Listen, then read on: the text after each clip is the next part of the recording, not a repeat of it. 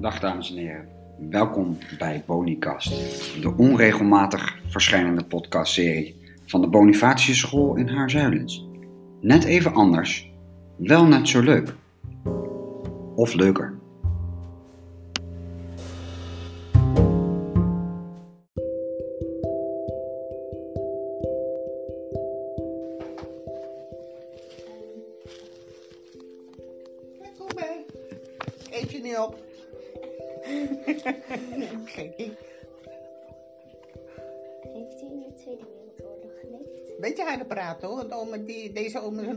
Ik heb al een gehoorapparaat in, maar Moet je even beginnen met vragen. Mogen we vragen stellen over? Mogen we vragen stellen over de Tweede Wereldoorlog? ja, ja. Dan kan je beginnen. Goed hard praten, hè? Ja. Dat ga je buiten ook, dus nou ook.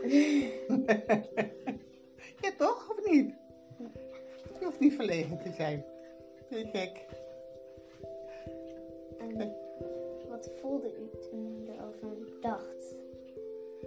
Goed hard praten. Net als je op slaap bent. Zoals, zoals ik praat. Gewoon iets Ik harder. ben een beetje. Ja, nou begin maar gewoon. Wat, wat is de eerste vraag? Wat voelde u toen u erover dacht? Wat, wat voel je nou? Wat voelde u toen u over de Tweede Wereldoorlog dacht? Oké, Oh, ja. de wereldoorlog. Dat- dat- dat naar, Ja, die heb ik ook meegemaakt. Dus eh, Ehm, dat was alleen maar een beetje ja, angst eigenlijk dat het allemaal goed zou gaan. Maar bij ons is het goed gegaan, maar een hele hoop mensen, dus eigenlijk de Joden, die zijn allemaal gevangen genomen. Ja. weet u nog wat uw baan van uw vader was in de Tweede Wereldoorlog? Wat mijn vader? Welke baan uw vader had? Kapper. Kapper. Herenkapper toen in Oh. En jongens, ja, Wat leuk. Ja. Zijn. Oh, ja. Maar jij moet ook opschrijven, denk ik, hè? Of jij, jij, jij moet opschrijven en zij moet vragen. Ja. Oh ja. Was u bang? Wacht even, Anne. Bang in de oorlog? Ja. Nee, daar was ik gewoon te jong voor. Ik wel, wij hebben wel een keer meegemaakt, dus eh, toen kwam er een soldaat binnen. En toen werden alle mannen eigenlijk, die werden dus, eh, ja, die werden moesten. Maar mijn vader, die, zat, die was ondergedoken aan de overkant bij de melkboor. Onder, het, onder de vloer zat hij, dus hij was gewoon niet thuis. Maar het was waarschijnlijk wel een goeie, want eh, hij liep de kamer in. En in de winkel was de trap naar boven, daar is helemaal niet geweest. Hij liep de kamer door de keuken, even buiten kijken, weg was hij. En ze kwamen de mannen en vrouwen en de mannen halen om mee te vechten. Om mee te Ja. vechten. Oh, ja. Ja. Ja. Of uh, werk te doen, hè? Ja. Dat meer, dat, eh, ja. Want ook Nederlandse mannen, hè, die moesten dus helpen van de Duitsers, hè? Ja, ja, in de Nederlanders, dat, eh, ja. Ja, Deed u ook leuke dingen? Of ik leuke dingen Of vind. ook leuke dingen hebt gedaan in de oorlog. Tijdens de Tijdens de oorlog. oorlog. Waren er leuke dingen? Oh, eigenlijk, eh, eigenlijk niet. Nee. Nee, want er was niks. Oh, trouwens, en we werden ziek. We kregen allemaal de roodvonk. Dat was echt een eh, heel... En toen, omdat mijn vader een kapperzak had, moest hij eigenlijk sluiten. Maar wij lagen dus met z'n 1, 2, 3, 4, 5 geloof ik alweer op bed. En het was besmettelijk. Dus we moesten heel stil zijn, dat het niet, eh, want anders moest je een plakkaat op het raam hebben en dan konden we niet eh, werken. Maar dat ging allemaal wel goed, alleen de oudste die is dus, eh, ja die is erg ziek geworden. Die is naar het ziekenhuis gebracht en die is daar overleden. Ja, dat was de oudste. Oudste kind. Ja. Ja. Ja, dat zat allemaal nog, eh, ja. Nou hè? Ja, Is uw broer of uw zus? nee, dat is wel van broer. Ja, ja. Dus de oudste broer van Annie is overleden. Ja. Ja, de ziekte. Ja. ja. ja. Dat is zoveel, hè. Ja. Ja. Vertel eens. Volgende. Nog een vraag. Heb je het al opgeschreven? Goed zo. Was u eenzaam? Eenzaam. Toen in die tijd eigenlijk eh, wel, want je kon niet echt eh, ja, buiten spelen of wat dan ook. En trouwens, we lagen allemaal op bed, omdat we ziek waren, ook de roodvonk hadden. Dus eh, ja, en dat was een ernstige ziekte, dus je, mo je mocht er niet eens uitgaan. Dus ja. Maar ja, dat is ook een tijdje geworden. En later, ja, tijdens de oorlog, dan, ja, dan had je niks. Je moest binnen blijven en, en noem maar op. Dat was gewoon zo, ja. Heeft u zelf iemand ondergedoken? Ikzelf? Nee. Nee, als kind zijnde hoefde dat nog niet. Alleen de mannen dus, die, eh, ja, die moesten werken dan. Ja, Wat tijd, ja, ja, ja. Ja, dat, blijf je echt wel bij hoor. Dat, eh, ja. Hoe oud was u? Ik eh, toen, even kijken, ik ben van 38, dus ja. Ik was 7 toen het afgelopen was, hè? Ja. Ja. ja, Bijna jullie hele leven. Ja. Ja.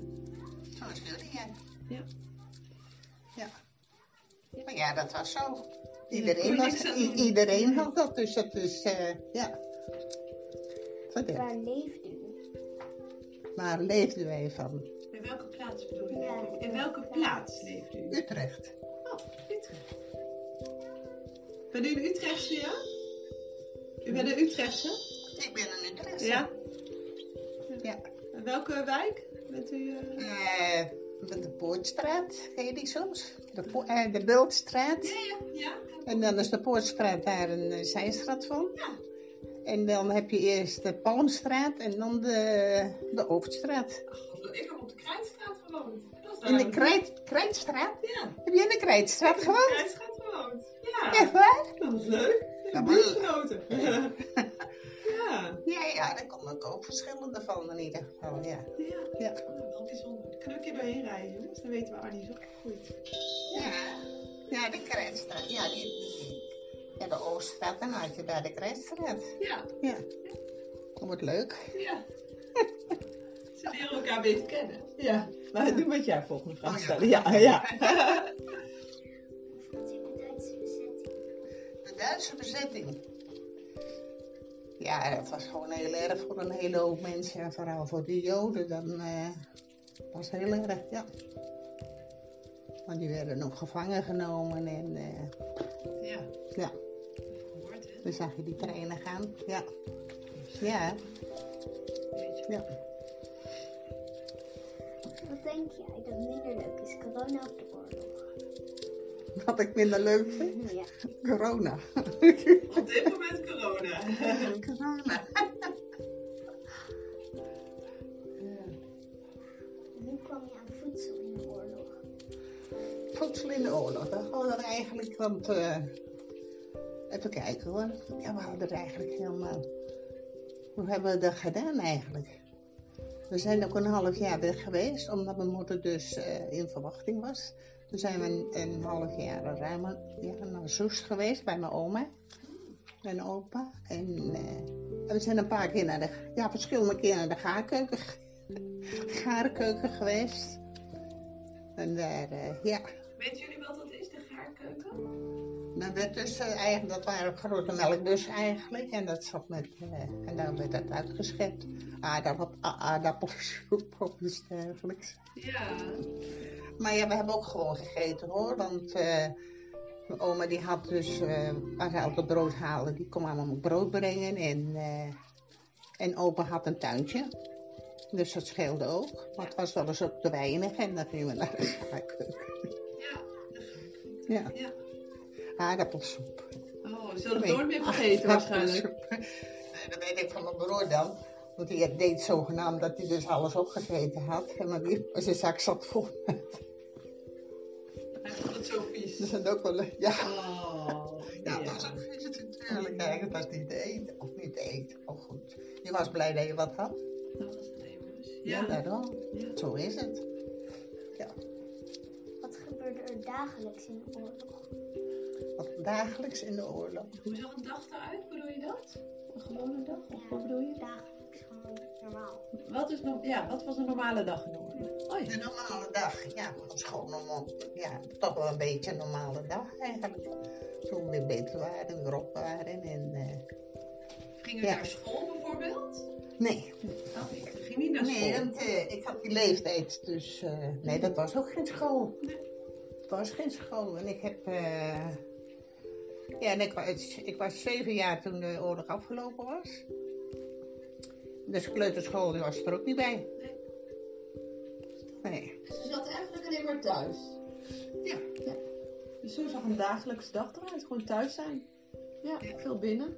Veel binnen natuurlijk. Want eh, één keer is er een vliegtuig eigenlijk eh, eh, bij ons in de Bladstraat. Dat was dat tegenover ons. Die Bladstraat ken je dan ook wel. En een vliegtuig op het huis gevallen. En bij Albert Heijn dan, weet je, die bij de poort staat. Die, eh, daar lagen ook nog scherven. Ja, ja, de mensen waren dood natuurlijk. Dat, eh, ja. Bij ons in de Bladstraat. Ja, dat, Ja. was- dat vergeet je ook nooit. Ja. Wat hebt u, u ervan meegemaakt? Wat, wat, wat, of ik er zelf van meegemaakt heb? Ja, dat, ja, dat er gewoon dat er niet veel was als kind zijnde. Dat, eh, je kon ook niet naar de kleuterschool of met kinderen spelen. Of, ja, ik had mijn broers en zus natuurlijk, maar verder eigenlijk eh, ja, niet. Er werd niet echt gewoon op, op straat gespeeld eigenlijk. Nee. Wel Ja, dat dat maak ik echt mee. Ja. En wat een verschil wat u dan hier ziet, hè? Dan zo eruit, hè? nee, dat is een heel verschil natuurlijk. Ja. ja. Maar ja, toen wist je ook niet beter. Nee. Ja. Nee, Nee, zo is het. Kindjes. twee boefjes. En nog een vraag. Weet u nog hoe oud uw ouders waren in de Tweede Wereldoorlog? Hoe oud mijn ouders waren.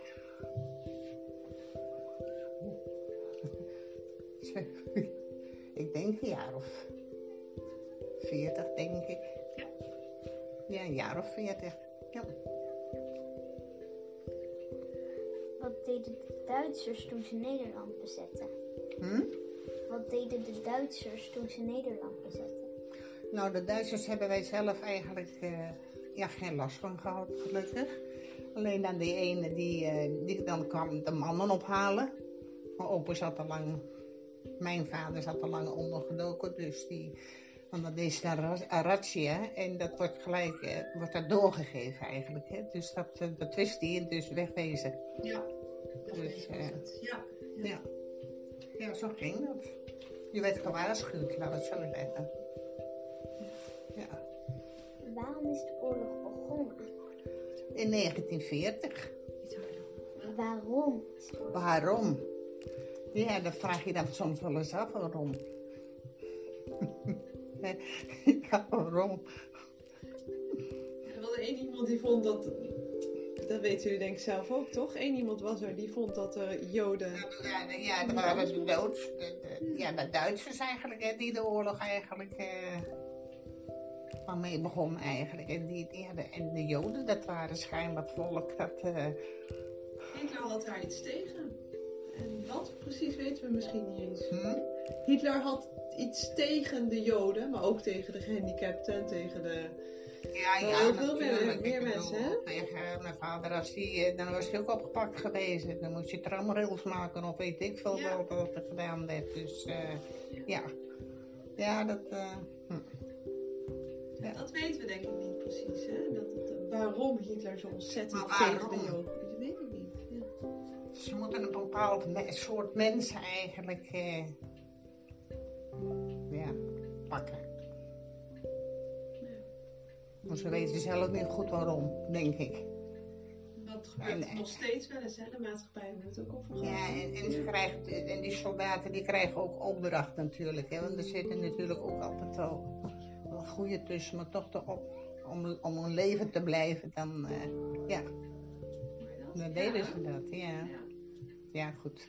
Je ziet die transporttreinen nog gaan eigenlijk, hè? met al die joden erin. Die zetten. Ja, het was heel erg. Ja. En op de te- televisie kon je het ook zien, dus eh, ja. Ja. Ja. Heb jij nog een vraag? Nee, dit waren onze vragen. Oh, dat is allemaal. heb Heb je ze allemaal aangehad? Ja. Echt waar? Ik heb zelf nog een vraag. Heb jij nog een vraag? Vertel eens. Nee, dat is niks. Dat zijn... Eh, maar ik heb zelf ook een vraag. Heeft uw vader dan zo... Heeft uw vader... ehm, is die opgepakt uiteindelijk? Nee, hij is gelukkig niet opgepakt, want als er razzia was, dan werd dat doorgegeven. En dan, eh, dan vloog eh, mijn vader gelijk weer naar de, naar de melkboer. En dan zat hij onder in de kelder. Dus, dan was hij niet thuis. Weet je hoe dat werkt? Dan hoort één iemand bijvoorbeeld aan het begin van het dorp, die hoort... Hé, hey, de razzia, de Duitsers komen eraan. Dan kletst iedereen dat door naar elkaar en iedereen die zorgt dat hij weg is. Zo ging dat. Zo is de vader van Annie, die heeft het gehoord en denkt, hup, verstoppen. En daardoor, heeft hij, en daardoor is hij niet eh, opgepakt. Ja. Ja? Ja, en die ene soldaat die dan binnenkwam, wij kropen natuurlijk. Mijn moeder ging mijn brood aan het smeren. Alsof er niks aan de hand was. En wij zaten kropen onder de tafel. En dan eh, kwam die soldaat binnen en die ging naar achter naar de, in de tuin eigenlijk. En dan keek hij, ja, hij keek er omhoog. Maar hij ging ook weer weg. Ik denk, er, staat, er was nog een trap in de, in de, in de winkel. Die is heel niet op geweest, dus dat was een goeie. Fijn, dat snap ik. Ja, hij was zo goed dat hij zo slecht was in zijn taak, zou ik maar zeggen. Ja, mooi. Ja, dat, dat was gewoon zo. Ja. Dat ik denk, oh, dat was een goeie. Ja, dat weet ik toch wel, ja. Ja, Waren dit alle vragen, jongens? Ja. ja alle vragen. Zijn jullie een beetje wijzer geworden over de Tweede Wereldoorlog? Ja. Fijn, heel goed. Zal ik de opname stoppen? Ja. Nou.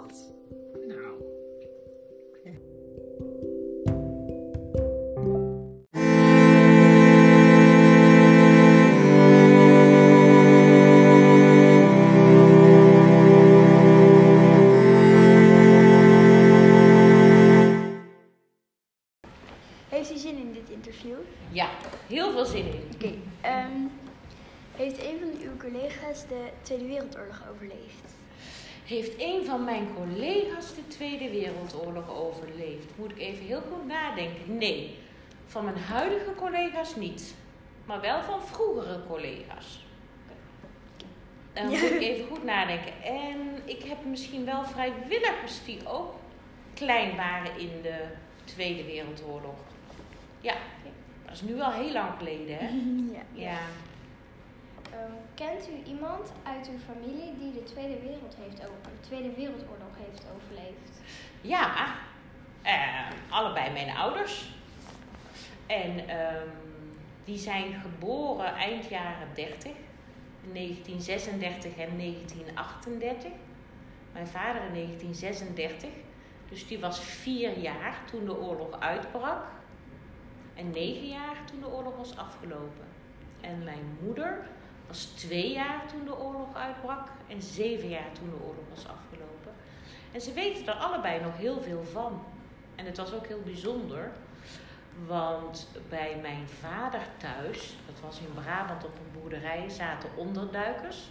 Het waren mensen die wilden zich verstoppen voor de Duitsers. En die verstopten zich op die boerderij. En mijn opa, de vader van mijn moeder, die zat in het verzet.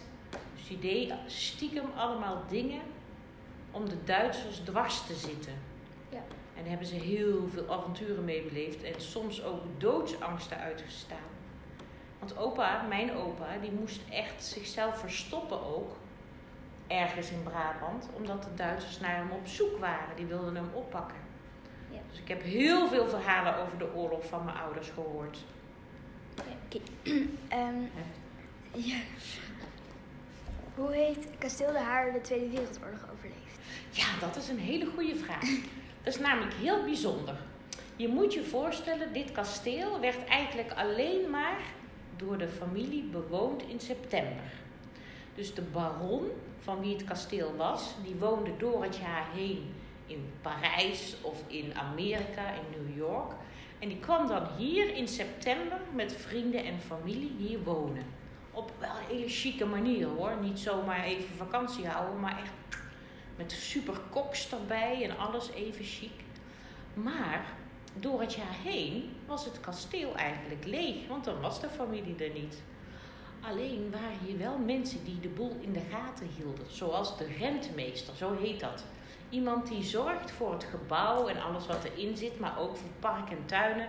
Die een oogje in het zeil houdt, die het ondertussen schoon houdt. Het koper poetst, de vloeren schrobt. Dat was de rentmeester en zijn gezin en zijn collega's. En die woonden niet in het kasteel, maar in het châtelet waar je net onderdoor bent gekomen. En in de huizen bij het Stalplein, waar je binnen bent gekomen, bij de receptie. Daar zijn allemaal huizen. En daar woonden ook mensen. Dus die mensen, die waren in de oorlog hier. De baron zelf, die was gevlucht naar New York. Maar die mensen die hier waren, die werden de hele tijd lastiggevallen door de Duitsers. Want die zeiden van, hmm, wat een mooi kasteel, dat kunnen we wel gebruiken. We willen daar een kantoor. Nee, we willen er een school. En van wie is dat kasteel eigenlijk en al die mooie dingen die erin staan? Hmm, is de eigenaar niet Joods? Ik denk dat wij dat dan maar in beslag moeten nemen. Dus die Duitsers die kwamen elke keer weer die mensen die hier voor het kasteel zorgden lastigvallen. Maar die mensen die waren heel slim en die hebben elke keer smoesjes verzonnen, waardoor de Duitsers toch weer afdropen. En alle hele dure dingen, zoals het zilver en dure uh, kunstobjecten en uh, zeldzame dingen, die hebben ze verstopt in het kasteel. En dat geloof je misschien niet, maar hieronder waar we zitten loopt een hele grote tunnel waar je rechtop in kan staan. Van hier helemaal naar het Châtelet. En in die tunnel, waarvan de meeste mensen het bestaan niet weten, hadden ze alle dure dingen verborgen. Dus het zilver en wandtapijten en schilderijen. En die Duitsers hebben ze nooit gevonden. En het is echt een wonder, maar er is eigenlijk niet zoveel gebeurd met het kasteel in de oorlog. De renmeesters die hebben echt super goed gedaan en hebben gezorgd dat er niks gebeurde. En toen de baron weer terugkwam na de oorlog uit Amerika, was hij zo blij dat hij de rentmeester een mooie ring heeft gegeven. Ja. Als dank voor de goede zorgen. Maar dat is heel bijzonder. En al die bijgebouwen, die poorten die waar je net onderdoor wilde lopen, en het Châtelet hier, dat grote poortgebouw, en ook vooraan, daar zaten ook overal onderduikers. Dus dat waren mensen die op de vlucht waren voor de Duitsers. En die verstopten zich dan in het kasteel. En als de Duitsers kwamen, gingen ze snel weer via die tunnel hier naar het kasteel. Konden ze ze nooit vinden. Goed hè?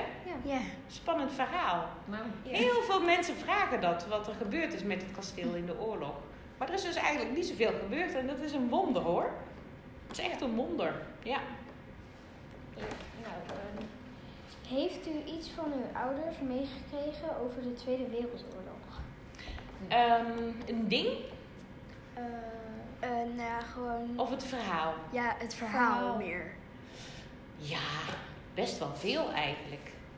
Wat ik altijd heel bijzonder vind, is dat de vader van mijn moeder, mijn opa dus, die moest vluchten. En toen bleef zijn vrouw met haar zeven kinderen alleen achter.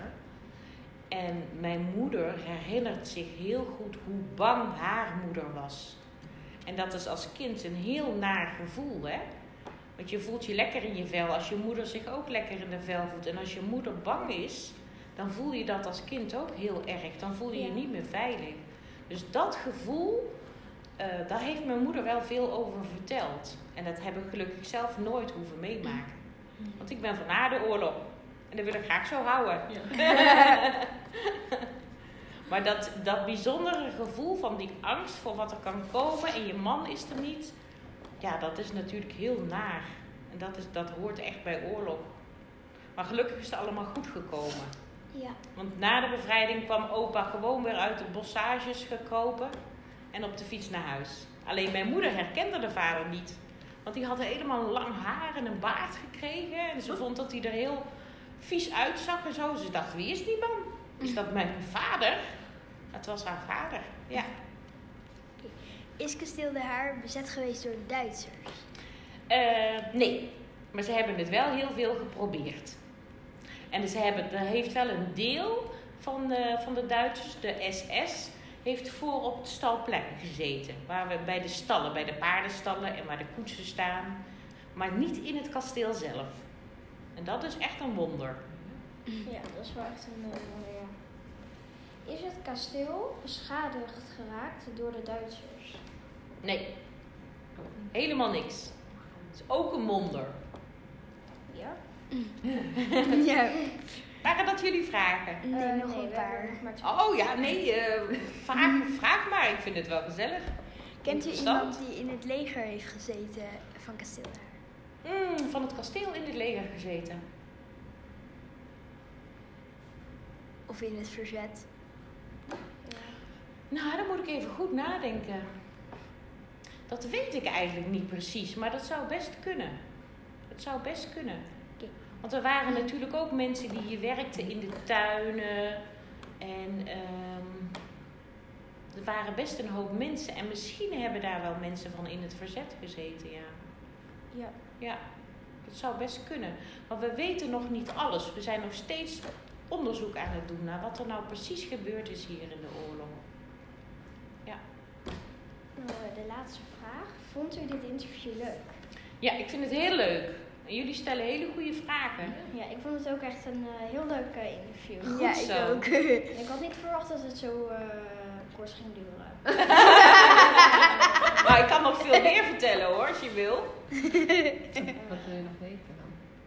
Weet je wat zo bijzonder hier is? Wat ik al vertelde, de baron kwam alleen maar in september hier wonen.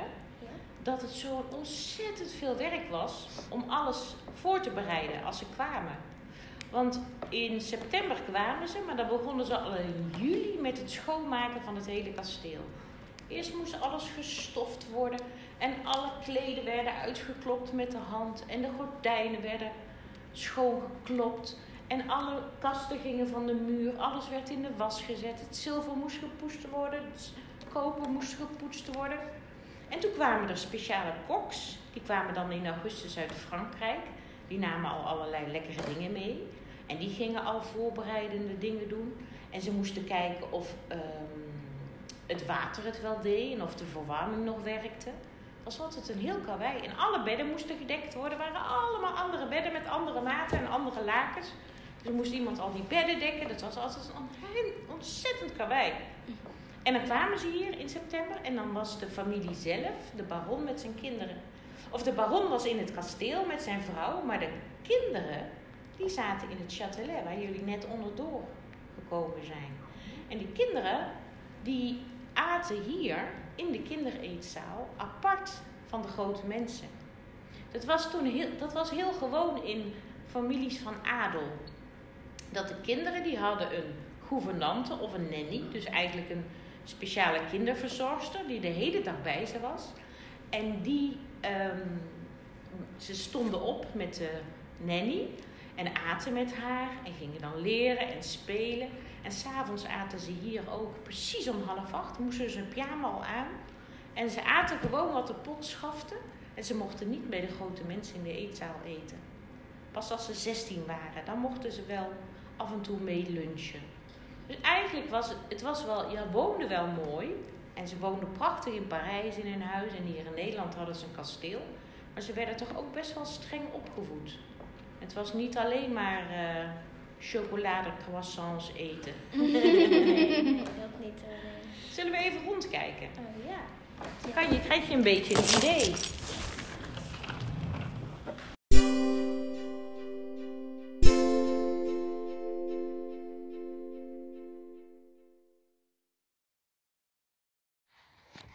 Ik ben Inge en ik ga mijn vader interviewen. Hoe heet je? Hoi Inge, ik heet Ries Oosteren. Hoe oud ben je? Ik ben 38 jaar. Hoe zag fleuten er vroeger uit? Eh, Vroeger was fleuten heel mooi, heel veel weilanden. En niet zo groot als nu. En die eh, waren nog, eh, fleuten was nog zelfstandig. Dus niet van die vervelende rotstad van Utrecht erbij.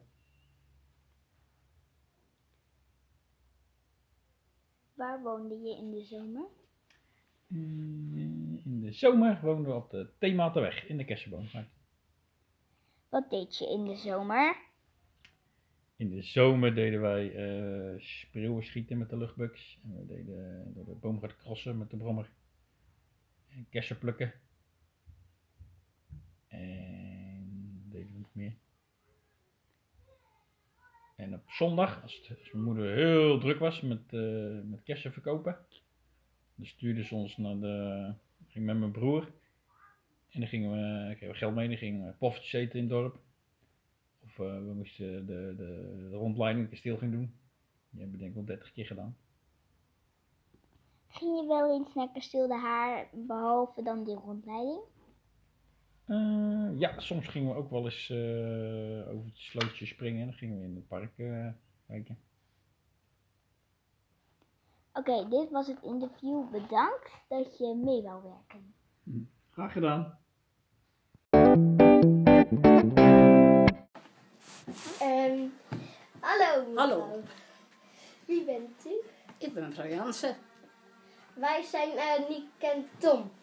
Wij eh, hebben een eh, opdracht gekregen om ehm, eh, iemand te interviewen die de oorlog heeft meegemaakt. Dan ben je op het goede adres. Dat ben ik. Vraag 1. Wat gebeurde er allemaal in uw hoofd tijdens de oorlog? Wat gebeurde er in mijn hoofd? Nou, wel veel angst dat je had. Als de Duitsers weer kwamen, als ze razzia's hadden. Ik was nog wel een kind hoor. Ik was nog met drie jaar toen de oorlog begon. Zo, dat is best. Dat was heel jong. En ik was acht jaar toen de oorlog afgelopen is. Oeh, En toch weet ik een heleboel dingen van. knap. Dat is knap, hè? Ja. En ik weet het nou nog. dus dan weet je wel, was je, was je bang als je die Duitsers zag lopen. En dat was heel eng. Ja, dat ze denken, ik wil jou naar huis. Ja, er waren nare, hele, hele nare dingen. En ja, en in, in, in huis, ja, je had geen elektriciteit natuurlijk. Je had zo'n petroleumlichtje staan en je had geen radio, je had niks. Dat is een hele andere tijd dan nu. Nu met de corona vinden ze wel dat ze weinig hebben, maar ze hebben heel veel bij mensen de oorlog vergeleken. Ja, als er nu oorlog is, nou dan weet ik het wel. Dan gaat de hele wereld kapot. Juist. Maar dan zien ze ook pas wat wij toen allemaal hebben moeten missen ook. Ja, Zo is het toch? En er was heel veel. En dan kwamen er ja, nou, mensen uit Amsterdam. En die kwamen hier zo aan de deur om te vragen om eten. En dan had mijn moeder eten gekookt voor ons. En had je nog een beetje eten over. En dan zaten ze hier zo even op de trap of zo een beetje eten van ons op te eten. En die mensen hadden honger. Die waren uit Amsterdam vandaan hier helemaal komen lopen. Voor de oorlog. En ehm had u veel, eh, had u m- m- meest in de oorlog? Had u het meest in de oorlog of niet zo veel? Hoe bedoel jij? Had u veel in de oorlog of niet echt? Nou, je had niet veel.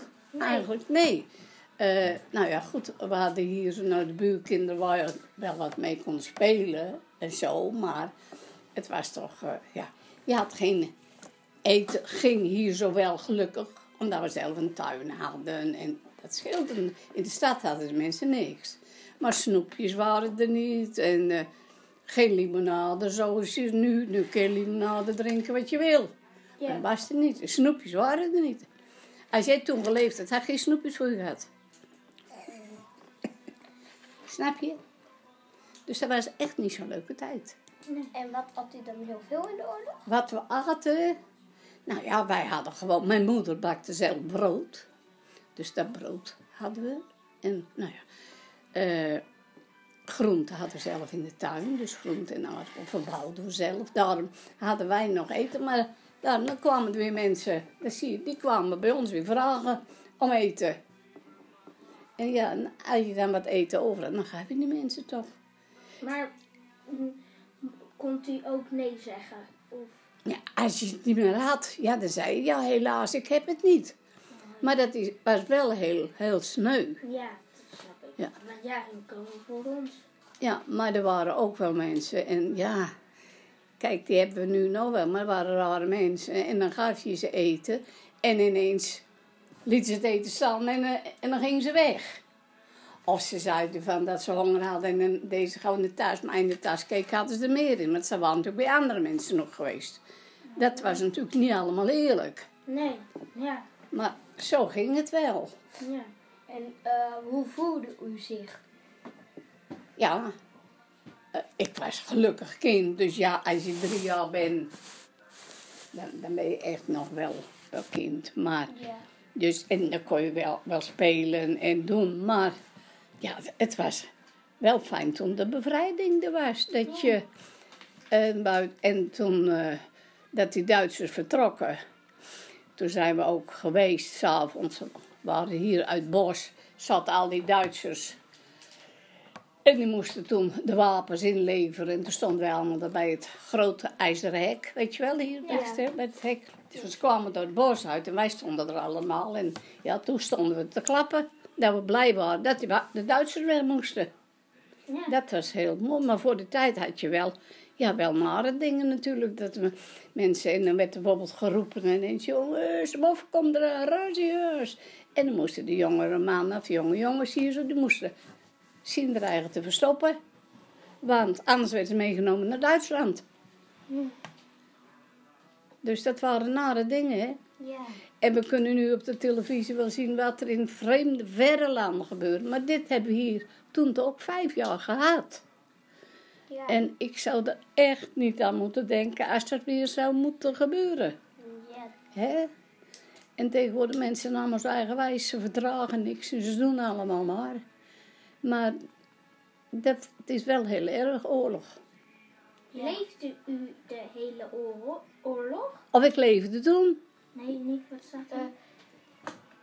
Beleeft u de hele oorlog? Oh, nou ja, als je zo zit te denken, je er een heleboel van, van denken en zien. En mooie rekenen s'avonds. Als je nu in de kamer zit, als het donker is, doe de lampen aan, heeft volop licht. Toen hadden we een heel klein lampje hangen, dus het was een beetje schemerig in huis. En ja, dat was toch ook wel weer heel... eh, En ja, en mijn vader die werkte toen in Utrecht op de fabriek. Oh ja. En eh, ja, op de fiets naar Utrecht en weer terug. En dan werden ze ook al door de Duitsers aangehouden. En je was altijd weer blij als ze s'avonds thuis waren. Dus dat, dat waren hele, hele angstige jaren hoor. En, en ik ging natuurlijk ook nog, ik ken een poos naar school. We zijn ook een poos thuis geweest, want toen was er in brandstof meer voor de scholen. Was er te koud in de scholen. Dus je vond het niet echt leuk in de oorlog? Nee, het is- oorlog is nooit leuk. Je moet nooit denken, hé, was het maar eens oorlog. Je kan beter denken, hé, was het maar lekker vakantie. Dat is leuker. Ja. Hoe was het tegen... het dagelijks leven in de oorlog? Het dagelijks leven, ja. Net zoals altijd, maar minder, minder eten. En eh, je had ook, en dat had al niet alleen met de maken, maar speelgoed had je natuurlijk ook niet zo zoals je dat tegenwoordig hebt. Het was allemaal niks. Wel met vrienden spelen, maar ja, dat ging ook maar soms. Ja, nou ja, dus hier waren, laten zeggen, ook buurkinderen van onze leeftijd. Dus ze kwamen met elkaar buiten spelen. Maar het was niet om te zeggen, jongens, eh, jij hebt een fietsje, jij hebt een kruiwagen en jij hebt dit. Dat, dat, dat, dat had je niet ermee spelen. Nee, alleen was het een ticketje of zo. Zulke soort dingen. En daar was dan, noemden we altijd een bosje. En daar konden we een verstoppertje spelen. En zulke soort dingen. En dat deed je allemaal wel maar. Het en s'avonds eh was er natuurlijk ook de avondklok. En dan mochten ze ook niet buiten. En wat als dat wel gebeurde, dan word je neergeschoten. Die kans zat erin, ja, dat dat gebeurde. We Hier- hoorden hier soms wel in de nacht schoot. Nou ja, en die vliegtuigen heel laag over. En we hebben ook wel eens gezien, toen stonden we hier buiten en keek je daar. En dat was daar in de Breudijk. Daar wa- wa- waren ze toen ook vanuit een vliegtuig aan, aan het schieten, daar op die treinbaan. Dat het, er- Zo. ja, dan kon je hier, dan kon je dat zo, daar zo in zien ook. Was niet leuk hoor. Ja, dat snap ik wel. Ja. Dus, eh, en, nou ja, en altijd de onrust en de angst dat er wat zou gebeuren. Was, niet, was geen mooie tijd. En wat deed de oorlog u? Dus ja, is het, ja, wat was het, eh, wat, ja, wat is allemaal gebeurd? Ja, Ja, ik bedoel, wat, Nick, eh, wat, eh, ehm, wat deed de oorlog u? Was u triest, was u verdrietig of was het... Ja, nou ja, en gelukkig doordat je kind was, ging je nog wel een beetje door met spelen en zo. Maar als je wat ouder werd en zo, dan ging dat toch meer begrijpen. Oh ja. En als ik dan ook zag, nou ja, mijn moeder was natuurlijk ook gerust mijn vader of die thuis kwam van zijn werk. En Ja, dat heb je toch allemaal in de gaten ook. Het is voor allemaal nog een rustige tijd. Ja, Dus dat was niet, eh, nee. niet leuk. Dus, ehm, het was niet leuk dus. Nee, helemaal niet. Dus het deed wel veel. Het deed heel veel met Het die... raakte je wel. Zeker. Het, en het raakte iedereen. Het was voor allemaal eh, een angstige tijd. Ja, dat snap ik. Ja. Behalve voor de Duitsers een beetje. ja. En ging u schuilen? Nou ja, dat hoefde hier nou dus niet eigenlijk, want je, ging, je kwam verder niet zo weg. Maar er waren er natuurlijk wel de jongens die er eigenlijk moesten verstoppen als ze weggehaald werden. Want en hier dat huis hebt van Verdijk, daar zitten net zo twee huizen naast elkaar zo, hè. En daarin zit dus meer zo groot. En dan zeiden ze, jongens, luister, en dan zag ik die jongens boven uit het dak, daar uit die punt komen. En die gingen er eigenlijk daar in die goot verstoppen. Dat Wa- waren Joden. Nee, maar de Oh. gewone, alle mannen werden Oh ja, naar Duitsland gedaan om te werken. ja. Dus dan moesten ze mee. Dus iedereen probeerde zijn eigen te verstoppen. Maar had u dan... U ging niet schuilen. Nee, ik hoefde niet. Ik was een kind, ik was een meisje. Dus, en ik was geen, eh, geen Jodin. Er gingen soms mensen aan de deur, mag ik hier schuilen? Nee, want dat hielp niet. Want die, je hier in huis, dan hoef je niet weg te kruipen. Want als je maar voorkomen zagen ze je gelijk. Want als ze eventjes zo'n huis doorkijken, dan weet je wel dat er niks gebeurt. Maar echt, huizen waar ze de zaak niet vertrouwden. En de Duitsers, die hebben natuurlijk een hele tijd gewoond eigenlijk in het kasteel. Ja, dat vertelde al iemand Ja. Dus ja, die zaten daar echt. Dus ja, het waren hier allemaal natuurlijk bij de hand. En toen is er toch ook een van, van Kooiman, die is toen ook doodgeschoten nog. Ja, ja. En is er iemand van je familie neergeschoten? Nee, nee, van onze familie niet. Er heeft wel een neef van me, die is ik weet niet hoeveel jaar in, ook in Duitsland gevangen gezeten. En die is teruggekomen, maar toen was hij heel, heel erg ziek en overal hele wonden. Dus toen is hij hier toch ook nog gestorven toen. Oh, Ja. één iemand. En in mijn familie, ja. Ja. ja.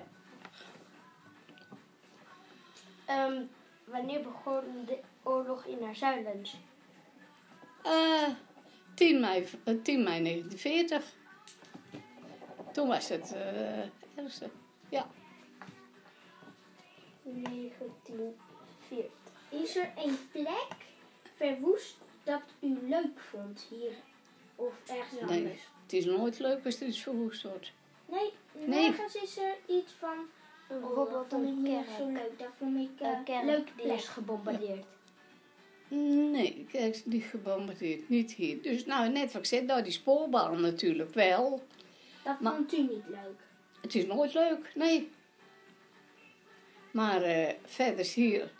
Nee, is niet de boel hier zo erg kapot geschoten. Dat ha- had je meer in de steden en zo natuurlijk, hè. Ja, in Rotterdam. Dat was heel erg, ja. Ja, En welke plek was het nou? Eh, De treinrails. de, tra- de terrein in de Brudijk. Dat was het. Dat was het. Nou, heb ik het goed gedaan Nog dan? één. Oh, Hebben familieleden de Duitsers geholpen? nee, nee, nee. Er was niemand bij de NSB of de SS om te Nou, hadden helpen. ze soms eten gegeven aan hen? Nee, nee. Nou, dat Nee. zou ik ook niet doen eigenlijk. Nee, dat, dat, nee, dat is nooit, nooit gebeurd. Nee. Want ja, dat was de vijand. En zei nog dat je het niet had natuurlijk. Als we, maar, maar die Duitsers hoefden niet mee te komen vragen. Die hadden het zelf wel. Oh ja. Maar eh, voor de gewone mensen en zo. Een oom en een tante van mij woonden dan in Utrecht. Maar die hadden vaak met weekend. En hadden ze nog een kind. En die lag in een kinderwagen. Kwamen ze zaterdags lopend van Utrecht hierheen. En bleven ze hier zo slapen. En dan gingen ze zondagavond weer lopend. Weer terug naar Utrecht toe. En Dat was heel spannend. ja, en ze hadden dan natuurlijk ook geen eten. En dan, nou, hier kregen ze dan.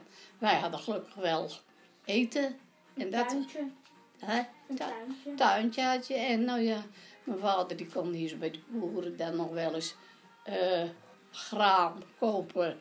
En dat werd dan gemalen voor brood te bakken. Dus zodoende hadden wij gelukkig Het, was niet, het is niet, je moet niet denken van, jong, jong, wat hij overal lekker suiker of zo in zitten. Want dat had je niet.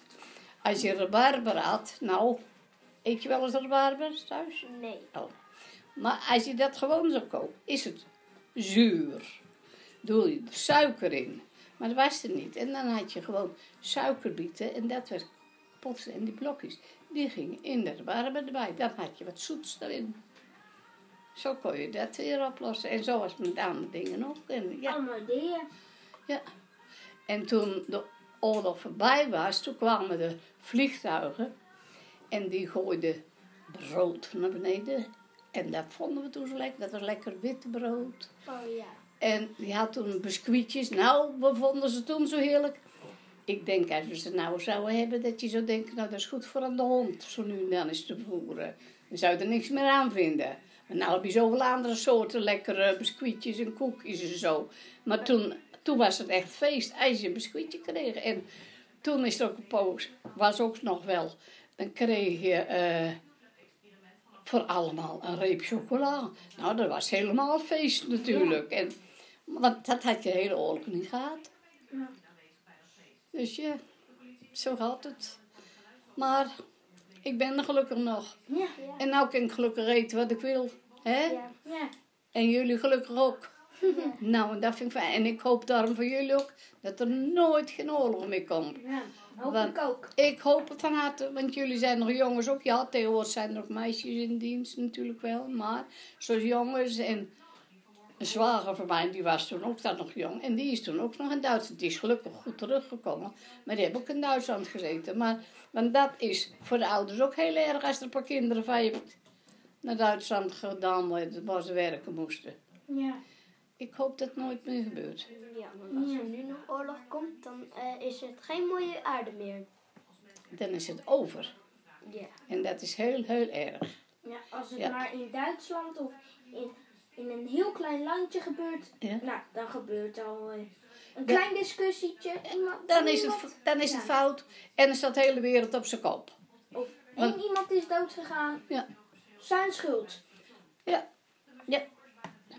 En, en dat zie je, dat is, dat is nu ook zo met, eh, als er ergens iets gebeurt. Nou, ze gaan allemaal de straat op, ze gaan allemaal protesteren. En dat worden grote ruzies en bendes. En ze pikken nu niks meer van elkaar, de mensen. Nee. Mensen zijn allemaal zo agressief als wat geworden. Ja. En dus als er oorlog zou komen, dan, dan, dan is alles. En dan de middelen die ze ervoor hebben, de eh, geweren en al die toestanden. Dat, dat is toch heel erg. Ja. Dus nee jongens, we hopen dat dat nooit, nooit zal gebeuren. Ja. Hè? Dat is wel heel erg. Dat is heel erg. Ja, ja. Zeg, heb jij al een snoepje genomen eigenlijk? Of, of wat ben je te druk geweest? Je ging toch, jongen toch. en is het best, hè? Ja. Natuurlijk, dacht ik ook. Zo, Ja. maar je moeder had geen tijd om mee te komen. Je broertje was thuis, hè? Ja, mijn broertje was thuis en Ja. er was eh, iemand die een nicht van mijn moeder, dus ja. Oh, ja, nee.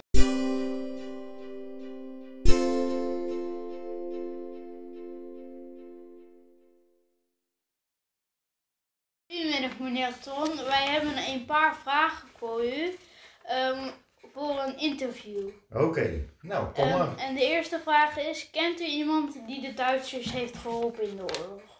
Wie de Duitsers heeft geholpen. Ja. Iemand. Iemand? Nee, dat, eh, ik kan alleen eh, mensen die tegen de Duitsers eh, geweest zijn. Kan ook. Ja? Oké. Maar dan, dan zou je, als je in Holland woont, natuurlijk een overloper hebben, zoals we dat noemen. Ja. Ja. Ja? Eh, meneer Ton, de tweede vraag is. eh, Hebben de Duitsers u iets aangedaan? Zo ja, wat dan? Eh, Duitsers, eh, nou, ik ben dus geboren in eh, januari 2000, of 1945. Dus bijna toen de oorlog afgelopen was.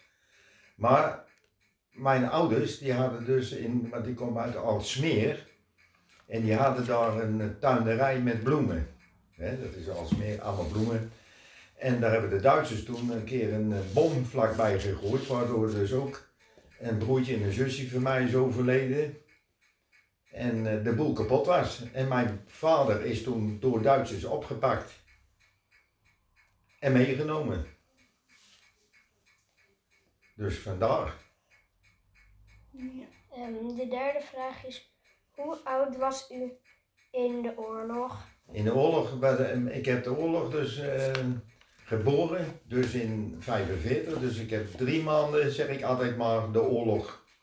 Ik weet niet echt van de oorlog, weet ik niet. Ik weet alleen van verhalen van mijn ouders. Vierde vraag. Ehm, kende, die, kende u iemand die Joods was en dus opgepakt is? Nee, deze, nee, daar ken ik niemand van. eh. Oh, oké. Ik ken alleen wel later een eh, Jo- Joodse mensen, maar niet vanuit de oorlogstijd. Ehm, vijfde vraag is, was u Joods? Nee. Ik ben echt een Hollander. Ook mijn voorouders waren Hollanders. Die vraag heb je al gelezen. Kent u een onderduiker of... Ja, die heb ik gekend. Maar die is inmiddels dus ook eh, overleden. Want het was een onderduikers van eh, een onderduiker van mijn vader. Die heeft dus altijd achter in het land heeft die, eh, eigenlijk verscholen gezeten altijd. Dus die ken ik wel weer, ook persoonlijk. Maar die beste man is dus een jaar of zes geleden overleden. Die is iets van 98 nog geworden. Dus, Is hij dus gevonden of niet? hè? Is hij gevonden of niet? Nee, hij is niet, eh, hij is niet gevonden. Hij was altijd bij, eh, bij mijn ouders in de oorlogstijd, dus ondergedoken om dus niet te werk gesteld te worden in Duitsland was dat. Daar ging dat om. Want anders, eh, hè, met de meeste mannen, net als mijn vader is opgepakt en die moesten dan in Duitsland gaan werken. Maar ja, dat was natuurlijk niet, niet prettig, dat werken daar. Dat was alleen maar werken in eh, grote metaalfabrieken voor eh, oorlogsmateriaal. Dus dat, weet, dat is wat ik allemaal daarvan weet. Ik weet dus waar mijn vader gezeten heeft. Ik weet ook dat mijn vader eh, is na mijn geboorte dus doodgeschoten. Dus ik ben ook zonder vader verder. En mijn vader die ligt dus bij de Poolse grens. Vlakbij, daar weet dan die met vader wel. En bij de, hoe heet het ook alweer? Frankfurt aan de Oder. Een dorpje vlak bij Frankfurt aan de Oder. Dat weet ik ervan. Dat was de laatste vraag. Oké. Nou, dat was een snelle, snelle business, hè? Ja. Oké.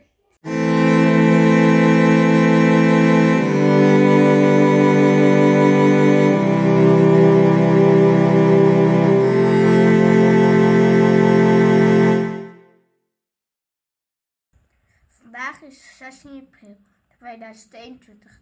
Interview. Ik Tobias voor een schoolopdracht. Mijn overgrootmoeder Geertje zonder van over de periode Tweede Wereldoorlog. Waar zit je nou? Wijs het eens aan. Dat is van de wereldoorlog, maar dat hoef ik niet op te schrijven. Nee. Dit is oma. Dit is de oma van mijn papa, zei, dat hoef ik niet op te schrijven. Nou, hallo, maar leuk dat we mogen interviewen over de oorlog. Eerst een negende, eerst bracht eh, in... Wat in, was de vraag? 39 mobilisatie. Allemaal Hollanders in Elst. Mobilisatie van de Hollanders. Ja. En er lag paarden met paarden, soort militairen in, de, in die tabakschuren. Geboren in Elst, moet ik erbij zeggen. Tobias, stel jij de vragen. Wanneer bent u geboren en hoe oud was u tijdens de oorlog? Nou, ik was eh, ruim negen, hè. Dat zo dus jij dan. Ik was al drie maanden oud. Ik ben bij juli, dus ik was nog een tien. Maar ik kan me nog herinneren dat dan die Hollandse soldaten in Elst lagen. En toen de oorlog uitbrak, dat was in mei aan de grebbe werd ge, in Renen gevochten. En toen moesten een veel evacueren. Maar waar het toen allemaal, dat weet ik niet meer. En daar hebben ze gevochten bij de grebbe. En toen hebben de Hollandse trokken terug allemaal. Die militair kwamen bij mijn thuis, ouderlijk huis, voorbij. Gingen ze daar op Utrecht aan, waar dat toen, dat weet ik niet. En eh, toen kwamen die Duitsers. Nou, dat was een heel, heel wat. Waar woonde u toen? In Elst woonde ik, Elst bij Renen. Daar woonde, daar ben ik ook geboren. En hoe oud was u? Hoe merkte u dat de oorlog aankwam op de televisie? Nee, televisie hadden we niet. Er waren allemaal vliegtuigen in de lucht. Heel, helemaal vol met vliegtuigen. Ik had nooit zoveel vliegtuigen gezien meer. Was wat s'nachts. S'nachts mochten we kijken buiten. En eh, ja, het was heftig natuurlijk. En we waren ook bang voor die Duitsers. En die, die deden ook ingekwartierd. Moesten ze in, als je een kamer had in huis, dan moesten daar die Duitsers in. Ja. De moes. Ja. En Moest- daar werden ze dan opgevangen. En dan had je aan de overkant van mijn ouders, dat was ingekwartierd, noemden ze dat, Ros van Tongeren. Dat was een hele oorlog, van de oorlog, voornaam iemand. Dus die was kapitein en nog hoger. En nog meer van die hoge pieten van die Duitsers. En s'morgens appetijds liepen ze te masseren de Relst. En ze zongen maar. En ehm, nou ja, alles bij elkaar. De school. Tobias moet de vragen stellen. Wat merkt u van de Dat is Duitsers? de Waar- inval. Waar in Elst woonde ik al dan nog. We gingen even, even, even evacueren, moest het huis uit. Toen gingen we naar Overvaren in Amerongen en toen gingen we naar Ekkewiel. Want je vader moet hebben daar nog een poosje geweest in de camping. En toen zijn we bij een tante van mij geweest, drie nachten. En toen zijn we teruggegaan en toen vaarden de Duitsers ons over met de pont. Dus we gingen met Hollanders en we kwamen terug en de Duitsers ons. Wij mochten met de kinderen en de kinderwagen erbij. En nog drie van die kleine erbij. En we mochten weer in het huis. En omdat het gezin zo groot was, mochten wij blijven. Dus wij hebben al die tijd in die oorlog, vijf jaar, daar gewoond. Tot 44. Toen moesten we weer evacueren. Want toen was het als vechten. En aan de grep hebben ze hevig gevochten. Kun je nog zien, hè? En eh, toen zijn wij geëvacueerd geweest naar, naar de Hoef in Meidrecht. En de scholen zijn open gebleven. Toen wij terugkwamen, wij zijn weg geweest, tien maanden in de Hoef gewoond. Toen mochten we weer terug. Met paterwagen werden we weer op die platte wagen met de hele waar we hadden, niet zoveel hoor, teruggebracht naar Elst. Kijk. En dan fijn, s'nachts kwamen we er pas aan hoor. Ja. Wat, was Wat de, zat er nog meer? wat heb je nog volgende vraag, Tobias? Heeft u moeten vluchten? Ja, dat heeft ze net verteld, toch? Nou, dat, dat heb ik net verteld. Toen moesten we vluchten. En Ja. Toen hebben we in de hoef gewoond, ja? Ja. Met gezin. En toen mochten we weer naar... Ze brachten ons van het Rode Kruis terug. En de vlag op de wagen ook. Een witte vlag moest erop. Niet rood, wit, blauw, een witte vlag. Dat jullie niet aangevallen werden. Dat was voor de vliegtuigen. Maar s'nachts was het altijd heftig, want toen zaten er heel veel vliegtuigen in de lucht. Wat die gingen bombarderen. Want ze hebben gebombardeerd in eh, Rotterdam en eh, weet je wel. Amsterdam? Dat was ook heftig hoor. Ja. Tobias. En eh, we- wij mochten weer de school. Wat was de vraag, Tobias? Waar ben je? Hoe was het om op te groeien tijdens de oorlog? Spannend. Het was allemaal wel heftig, maar we hadden elke dag wat nieuws. Het was spannend. Maar we keken en we, die soldaten deden ons niks, als kinderen zijnde. En ze, ze liepen maar te marcheren en ze zongen maar. Dat is alles voor Ruben. Dat weet ik nog. Dat iets alles voorbij. Maar onze school was een NSB'er, hè? Die was het hoofd van de school. Daarom hadden wij school altijd. En we hadden elke dag Duitse les.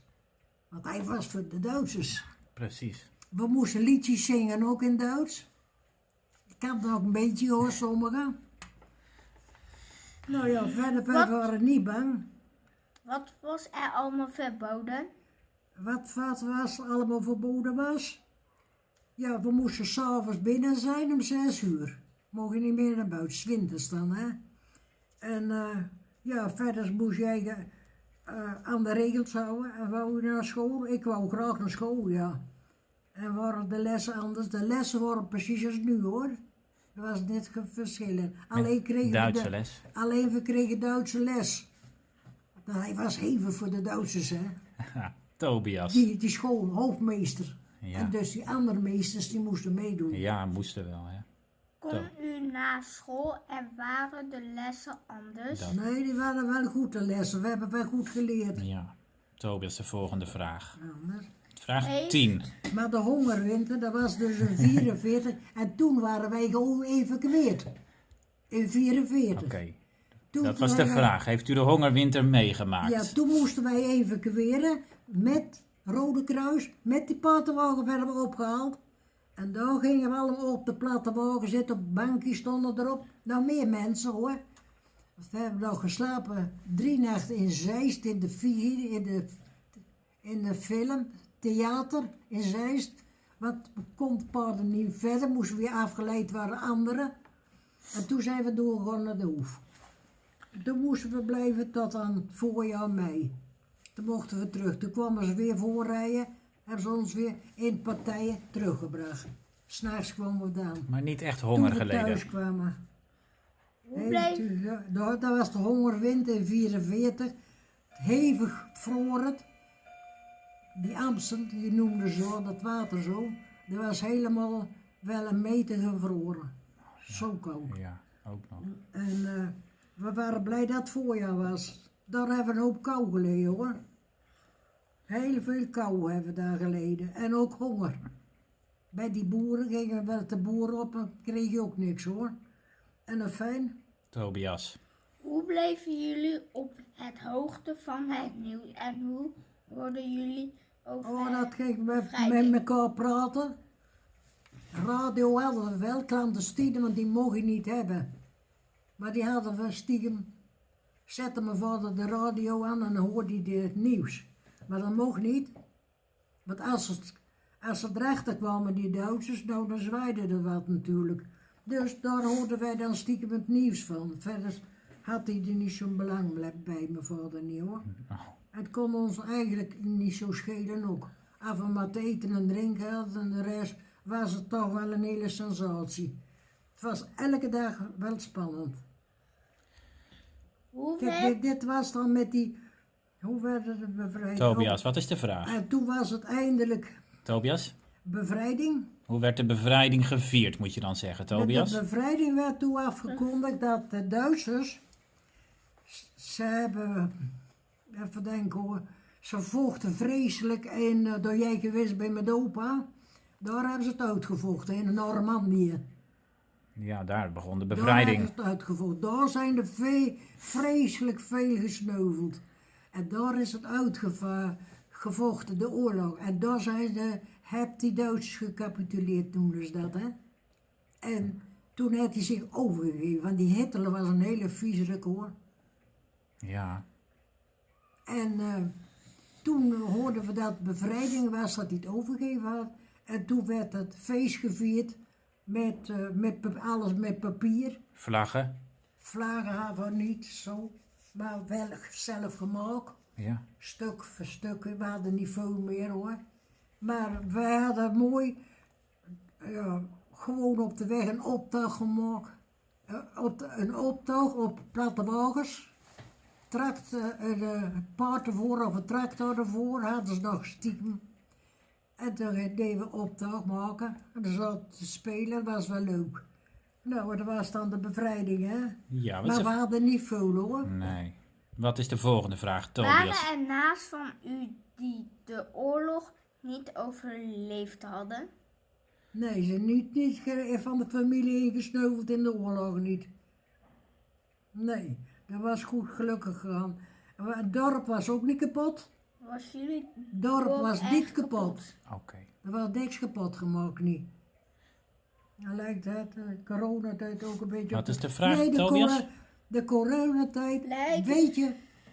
de- Er heerste toen wel difterie in die oorlog. Daar zijn ook wel mensen aan overleden, ook jonge mensen. Het Elst ook nog jonge vrouw. pa.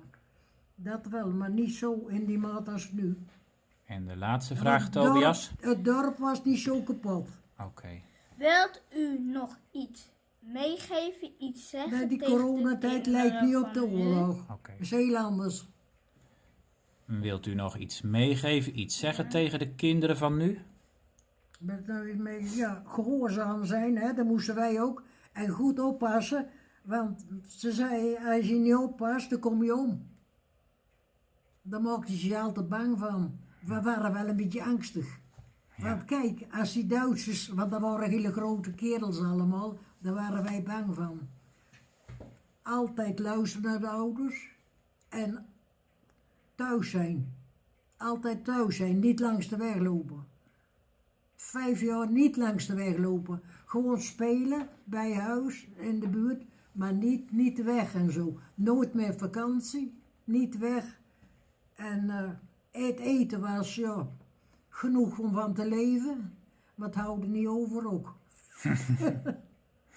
maar het was best, maar we waren tevreden. Ja. En kleren hadden we van de, ja, hoe noemden ze dat, van de Rode Kruis. O&O noemden ze dat. En eh, als je tekort kwam, maar bij ons thuis haalden ze de kleren niet. Want eh ze hadden zat. En wat we niet hadden, dat gingen ze wel halen. Maar er was niet veel te koop ook in die oorlog. Op de bon? En we hadden bonnen. De, in die oorlog waren de bonnen, distributiebonnen noemden ze dat. En dan had je suikerbonnen, boter, bo- boter, alles was op de bon. Maar suiker was zo gewoon, dat hoefden wij niet. Net als jij, wij namen nooit suiker. En dan kwamen ze wel eens ruilen, weet je wel, deze. Dan deden ze de bonnen ruilen voor broodbonnen of zo. Daar wel waren, maar niet eh voor zoetigheid. En verder was het eten normaal. Vlees aten we niet zoveel. Waar we behoefte aan ook niet. We tegenwoordig nog veel vlees eten. Het schijnt helemaal niet gezond te zijn. Maar ja, waar hou je van? Goed, Tobias. Nou, Laatste zinnetje. aardig goed. Dank u wel voor het interview, oma. Je moet altijd luisteren naar je ouders. En je moet goed opletten en niet dom zijn. Dan komt het allemaal wel goed. Maar als je eigen weg kiest, dan komt het niet goed. Maar je moet luisteren. Hoor je, Tobias? Ja. Dan Goed. Tobias. Duimpie. Nou, slaag kregen we nooit. Maar we moesten wel luisteren. En we moesten altijd om acht uur naar bed. Om Ja. acht uur. En jij ook. Nee. Oké. Maar ik was 15 toen de oorlog over was. Ja. Bijna 15. En ik was altijd tenger, hè. Als wie was ik nou? Nou. Nou ja, dat weet je wel. We- we- we- wij- we- de mensen waren niet dik in die oorlog. In, in Amsterdam ook niet. Eh, De mensen waren allemaal even mager. Maar nou zijn ze zo vet als blubber allemaal. Zulke puiken. Nou, dat was het, hè? Ja. Zwaai maar. Dag, Maar oma. tegenwoordig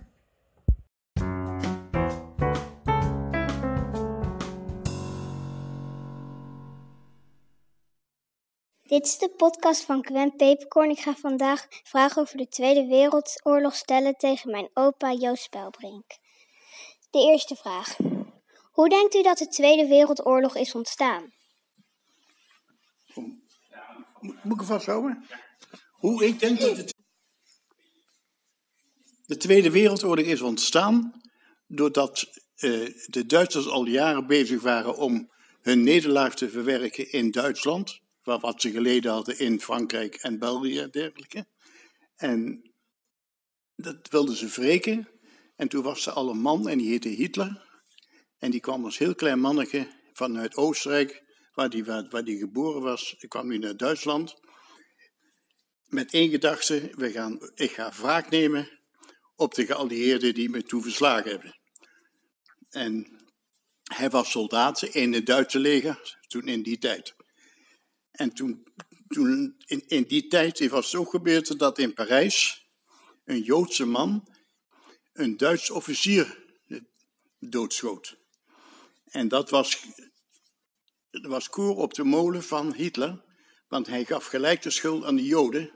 Dat was het begin van de vervolging van de Joden. Oké, de tweede vraag. Wanneer begon het? Wat zeg je? Wanneer begon de Tweede Wereldoorlog? In, de, de, die begon in 1939 met de inval in Polen. Hoe heeft u het beleefd? De, de inval in Polen, daar, daar, heb ik er nooit van gehoord. Want in 1940, toen vielen de Duitsers Nederland binnen. En dat heb ik ook niet gemerkt, want ik was toen twee jaar.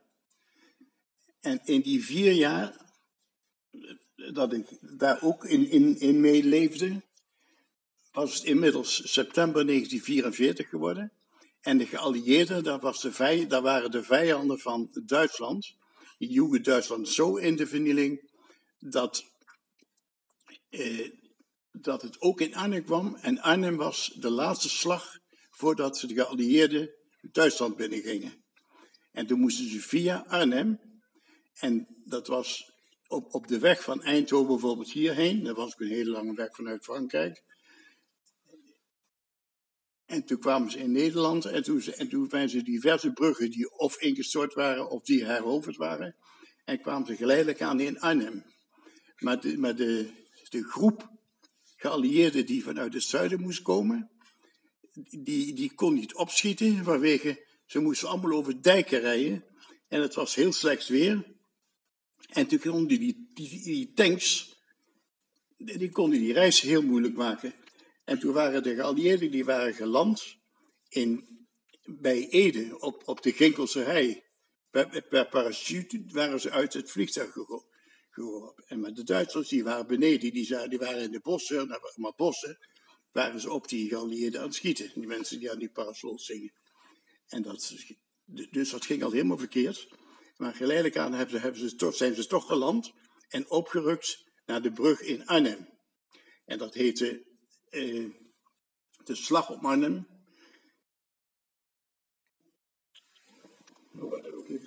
Waar was uw onderdak? En dat, er werd de algemene naam gegeven Airborne.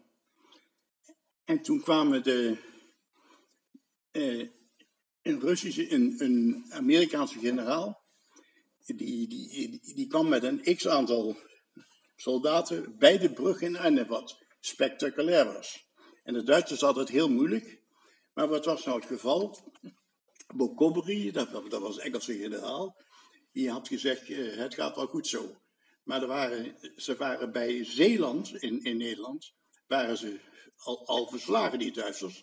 En die vluchten allemaal richting Arnhem. En toen waren er generaals en die hadden natuurlijk heel veel mensen tekort. En die kwamen al die soldaten, die gevluchte soldaten, die kwamen daar gegroepeerd terecht. En dat werd enorm leger van alles wat. Maar de Amerikanen die werden vreselijk, vreselijk uh, belegerd en ook gedood. Maar ze wonnen ook wel. Maar ze dwongen de Duitsers helemaal terug. Maar uiteindelijk hadden ze, hadden ze meer mannen en meer gereedschap op hun plek terwijl de geallieerden dat moesten aanvoeren. Dus dat was allemaal erg moeilijk. En de geallieerden die vanuit het zuiden kwamen en aan hadden moeten sluiten bij de mensen die inmiddels eh, de brug hadden veroverd, die kwamen maar niet. En die kwamen maar niet. En toen hebben de geallieerden die vliegtuigen door over Arnhem rijden, die, die bombardeerden onze hele stad. En toen was ik vijf jaar of zes jaar en toen moest ik vluchten met, met mijn ouders. Dus alle Arnhemmers, waren er 98.000, die moesten vluchten. Waar dan ook heen. En Arnhem was een spookstad. Dat was niet, maar er werd een vreselijke oorlog gezeten. De, de kerken, er werden de torens afgeschoten. Er bleef geen, geen huis overeind staan. Waar bent u ondergedoken? En toen hebben de... Maar de- Nee, je mag gewoon tegenover, dat die kan je niet zo goed verstaan. Zeg maar, eh, De eerste Rijnbrug die in Arnhem lag, dat was in 1936 door koningin Wilhelmina geopend. Die werd al in 1940 door de Nederlanders in de lucht geblazen. Zo dachten ze, dachten, dan kunnen de Duitsers ook niet verder. En dat heeft, heeft ook remmingen gehad natuurlijk. Maar toen hebben de Duitsers die, die, die toch de overwinning behaald hebben, die hebben de brug weer opgebouwd. En in, en in 1944, maar toen, ze, toen de, de oorlog, de, de, de, de Tweede Wereldoorlog op zijn eind liep, toen zijn ze, eh, hoe mag ik het zeggen, ik ben even de klus kwijt hoor. Opa, Hè? Waar heb je ondergedoken? ik weet niet of opa zich onder moest daar. Ja, opa vertelde toch dat hij net. Toen waren wij dus allemaal gevlucht. En toen, en toen werd Arnhem helemaal gebombardeerd door de... En toen vonden de Duitsers, omdat ze zo sterk waren en met veel, veel mensen en heel veel wapens, hebben ze Amerikanen, waardoor die groep uit het zuiden niet opkwam, hadden ze het hele plan om de brug te veroveren, die ze inmiddels al veroverd hadden, maar heel, heel fragiel. Want die raakten ze weer kwijt aan de Duitsers, want die hadden totale overmacht. En toen werd de oorlog, die, die kwam in de beslissende fase. En toen, was het, toen lagen de geallieerden die lagen in Oosterbeek, in, ho- in Hotel Hortenstein. En een uur later zaten de Duitsers daar weer in. En dan moesten ze de Rijn over, maar we hadden geen brug meer. En toen gingen ze met, met zogenaamde pontons, eh, dat waren grote rubberboten, vluchtten de Engelsen, ook de Polen en de Amerikanen, die vluchtten via die boten naar de overkant van de Rijn om weer in het zuiden te komen. Maar ze waren kansloos geworden. En die boten die werden maar lek geschoten. En op het laatst toen eh, heeft de Duitsers, die hadden zo'n overmacht. De stad Arnhem, mooie stad Arnhem, die was totaal verwoest. En toen hadden ze de eindoverwinning behaald. Dat was het de laatste overwinning die de Duitsers behaalden in Nederland. En toen heeft het nog vijf maanden geduurd dat de Arnhemmers, die allemaal gevlucht waren, die, mocht, die, die, die, die mochten geleidelijk aan weer terug naar Arnhem. Maar 98% van de Arnhemmers, die hadden geen woning meer, want die waren allemaal verwoest. En waar ik woonde, dat was de eerste winkelstraat, mijn vader had een winkel. De eerste winkelstraat die heel gebleven was, op de ramen na. En er was geen elektriciteit. En, en ze waren ook heel behulpbehoevend. Maar langzaam maar zeker, omdat de Duitsers, die, waren toen wel overwonnen. waren allemaal gevlucht naar Duitsland. Maar toen, toen was Amerika plotseling weer heel sterk. En toen kwam Amerika er namelijk ook bij. En toen hebben de Duitsers verloren. Maar ze konden het uiteindelijk ook niet winnen.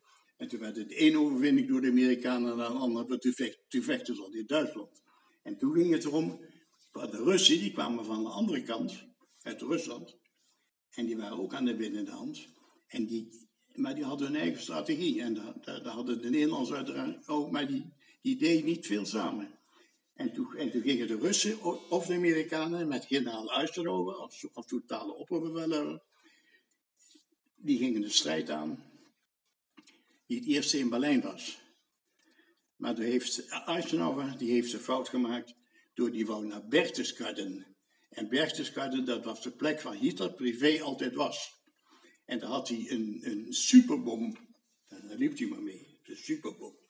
Maar die had hij helemaal niet. En toen waren de Russen waren het eerst in Berlijn. Ook een hele strijd. Veel doden, heel veel Duitse doden. Ook Russische doden. Heel Berlijn verwoest. En toen geleidelijk aan. Toen zijn de Amerikanen, die, die, die zijn ook in Berlijn terechtgekomen. En toen hadden we de oorlog niet gewonnen, want hij was eigenlijk geen winnaar. Maar het was een vreselijk drama, want er waren 50 miljoen doden. Maar ben jij dan ook in Arnhem gebleven bij dat bomrent of ben jij gevlucht naar een plek? wij vluchten. Naar? En mijn vader en moeder, wij gingen dan naar Groningen, via Apeldoorn. Ja, je, je, je kent Nederland wel, en zo Ja. Zwolle, Meppel, Assen, Groningen en dan nog over. En eh, als kind heb ik het wel, ook na de oorlog, heel fijn gehad. Want alles was gebombardeerd. Wij konden overal spelen. En we, we, we hebben veel geluk gehad, want we zijn nooit op een mijn getrapt. We liepen wel over de brug heen die in het water lag. Dus dat was allemaal levensgevaarlijk. Maar als kind, dan zie je dat niet. Dus mijn jeugd is wat dat betreft heel fantastisch geweest. Want wij waren de ellende en het verdriet van de mensen, dat zagen wij natuurlijk niet. En geleidelijk aan werd Arnhem weer opgebouwd. Waarom? Hadden een oude haven, heette dat. En die hebben ze, die hebben ze helemaal dichtgegooid met alle puin van Arnhem. Maar dat moest geruimd worden. Altijd weer geruimd worden. En er was geen materiaal, er waren geen stenen, was geen Daar hebben ze dus de- heel veel puin hebben ze gepikt, dus de cement van de stenen af. Daar hebben ze weer huizen van gebouwd. Geleidelijk aan door de jaren heen. En in 1960, dat is 15 jaar na de oorlog, toen kon je in Arnhem wel een beetje zien dat Arnhem weer herrijzen. Hè? Dat je ook een liedje. A-R-N-H-E-M. Arnhem heeft een luide stem. Arnhem heeft een vlag in top. Arnhem, Arnhem bouwt weer op. Dat, dat was het liedje in, Arnhem. Maar goed, wij, wij, werden ook ouder. En de stad werd langzamerhand weer niet meer zo mooi als vroeger. Maar Arnhem was een hele mooie singelstad met grachten. En dat is allemaal niet meer op, op- opgebouwd. Daar zijn allemaal eh, bedrijf, bedrijfsgebouwen gekomen en gemeenteinstellingen. Maar eh, zo, zo, zo, zo, zijn we toch weer eh, behoorlijk aan de gang gekomen. Maar de oorlog op zich was verschrikkelijk. En dan is ook nog een heel verhaal eh, dat Hitler, die wilde, die had een hekel aan En die zaten overal in Europa. En die zijn, dat was de bedoeling van Hitler, dat al die joden werden uitgeroeid. En dat ging eerst naar kampen. Want kampen zijn houten huisjes werden gebouwd in het bos. En daar moesten die mensen allemaal heen. Maar daar werden er veel te veel. En dat was ook de bedoeling helemaal niet. Want dat was een, een, een, een oord waar je even kon verblijven. En toen gingen ze met de trein, drie, vier treinen per dag, met, duizenden mensen daarin. Honderd mensen in één wagon gepropt. Er waren veewagons. Die die gingen ze naar bijvoorbeeld Auschwitz, Birkenau en, en die kampen. En daar hebben ze vreselijke tijd doorgemaakt. En die mensen die zijn, eh, die, die hebben daar zonder eten, maandenlang, oftewel heel weinig eten, hebben ze de meest lugubere tijd doorgemaakt met die Duitsers. Dat waren gewoon beesten. Hebben die mensen vermoord. In, in gaskamers, moesten ze allemaal in gaskamers. En toen werden ze vergast. En de lijken, die, toen ze dood waren dus, die gingen allemaal naar de, naar, naar de brandfabrieken. Met een hele grote pijp en dan kwam die rook uit. En dat is allemaal doorgegaan en doorgegaan. Maar over de oorlog praten, en vooral iemand, ik, ik was dan maar vijf jaar of zes jaar, laat het weer ouder. De, de, de mensen die er echt over kunnen praten, wat ze ook bewust meegemaakt hebben, die zijn er, die zijn er bijna niet meer. Opa, zoals we horen dat die, de Joden hebben natuurlijk een hele slechte tijd meegemaakt. Wat zou u tegen ze willen zeggen? die Joden die terugkwamen, die wilden naar hun huis en die was er soms nog wel. Vooral in Amsterdam aan die kant, daar kwamen ook de meeste Joden vandaan. En toen woonden er andere mensen in. Nee, Want de maar Nederlandse regering had gedacht van dat ze toch niet terugkwamen. ik bedoel van dat je bijvoorbeeld, als de Joden zijn nu weg, dankzij al die doodmakingen. Maar als er nog een Jood levend in die tijd was en je kon hem bijvoorbeeld spreken en zijn hele familie Nou, is dood, wat zou je die- tegen hem zeggen? Het, het merkwaardige was dat die mensen daar liever niet over wilden spreken. Want de Joden die, die gebleven zijn, of weer teruggekomen zijn, die zaten allemaal ondergedoken. En ondergedoken is dat ze in kelders zaten, onder huizen. Dat weet ik. En heel primitief. En dan moesten ze wat geld betalen aan degene die hun dan eten bracht. Maar het was een hopeloze toestand. En de Duitsers, die, werden, de, die, Joden werden ook weer verraden door NSW'ers. Dat waren Nederlanders die, die, die sympathie hadden voor de Duitsers. En, die, en ze kregen van iedere Jood die ze aanbrachten een riksdaalder. En dat, dat, dat, was een hoop geld in die tijd. Dus ze hebben heel veel Joden hebben ze verraden. En die werden alsnog naar Auschwitz, waar wat het beruchtste kamp was, heen gebracht met al die treinen. En kwamen ze eraan en dan stonden ze drie dagen in die trein te wachten totdat ze eruit konden. Het vroor daar wel eens 40 graden, geen verwarming, zaten ze in houten brakken. Geen dekens, geen matras. En zo zijn die Joden. En, en die Joden die hier en die erover over spraken, die daar wel geweest waren. Want er waren ook mensen in, in het kamp, die hebben het wel overleefd. En die kwamen hun verhaal doen. Ieder jaar is er ook weer herdenking hier in Nederland. En die Joden die praten er liever niet over. Maar uiteindelijk, er is ook een meisje geweest, die heette Anne Frank. Ja. En die heeft een boek geschreven, een, dagboek. een dagboek. En die is gevonden. En daar zijn zijn films over gemaakt. En die vertelt in haar dagboek wat ze allemaal beleefd heeft daar in Auschwitz. Maar ze heeft het niet gered, want enkele maanden voor de bevrijding, toen de Amerikanen kwamen, is ze overleden. Wat deed u in die tijd? Wat ik in die tijd deed, Ja, ik zat op, ik zat op school. In, in, 19, in 1945, 46, toen, toen gingen de scholen weer een beetje open die nog stonden. En, en, en toen, toen gingen we weer naar school. En als kind heb je daar helemaal geen weet van. Want ik ben opgegroeid tussen de puinhopen. Moest, moest u ehm, Duits onderwijs leren? Nee, nee, het was op school.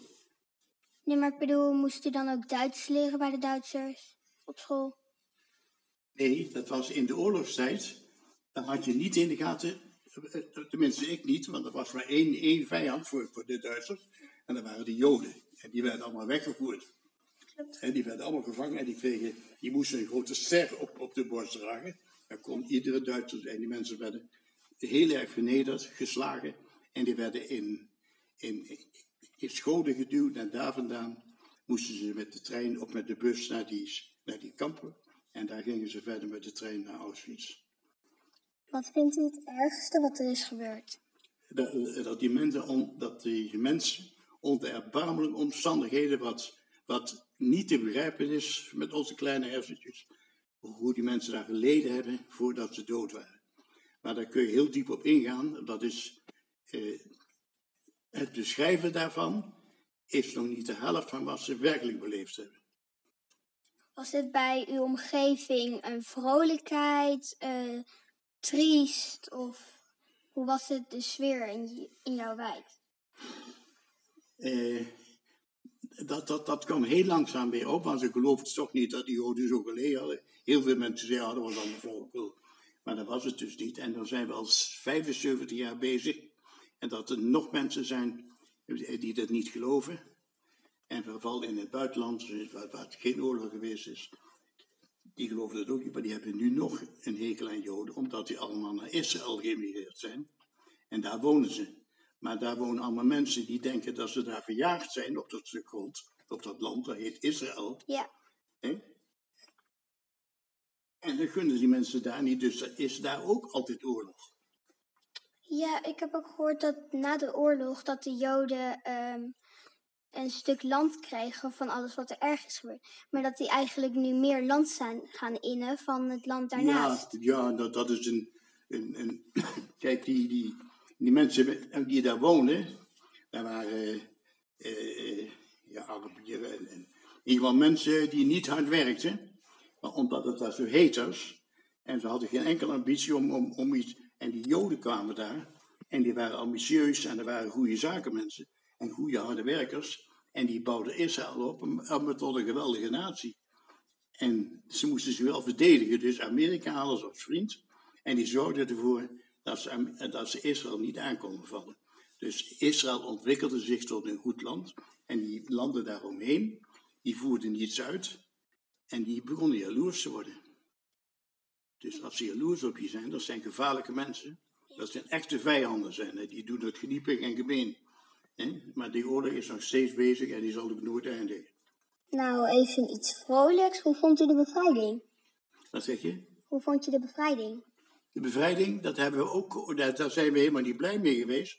Als Arnhem in steden als Eindhoven en Eindhoven en, en de, daar zijn feesten gevierd toen de, toen de geallieerden door de Staten kwamen. Maar daar is ook niet zoveel gebeurd.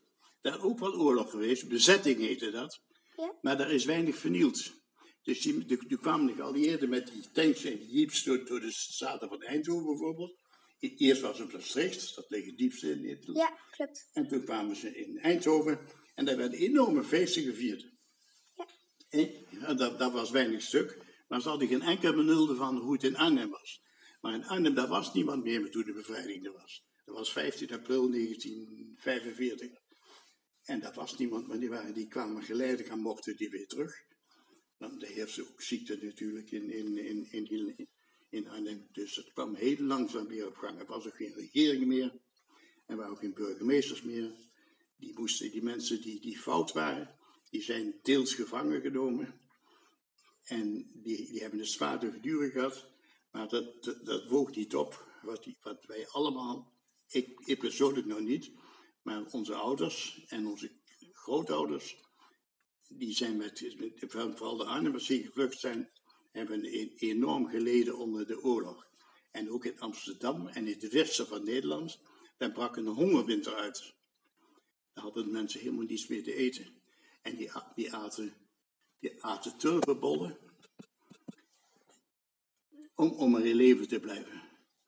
Het was een vreselijke tijd en er gingen heel veel mensen. Dat was al na de oorlog, direct na de oorlog. Toen was Nederland al bevrijd. Toen gingen er ook duizenden mensen dood aan, aan, aan, van de honger.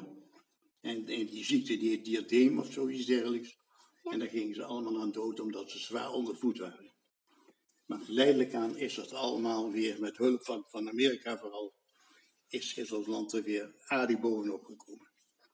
Nou, bedankt. Als in het kort was dat het verhaal. eh, Wat, wat, ik had het eigenlijk allemaal om moeten schrijven, dan was het beter geordend geweest. Maar ik hoop dat je er een beetje wijs van wordt, of diegene die er hierover gaat. Want het was, het was meer dan verschrikkelijk. Nou, bedankt dat ik u wat vragen mocht stellen. Graag gedaan. Nou, doei.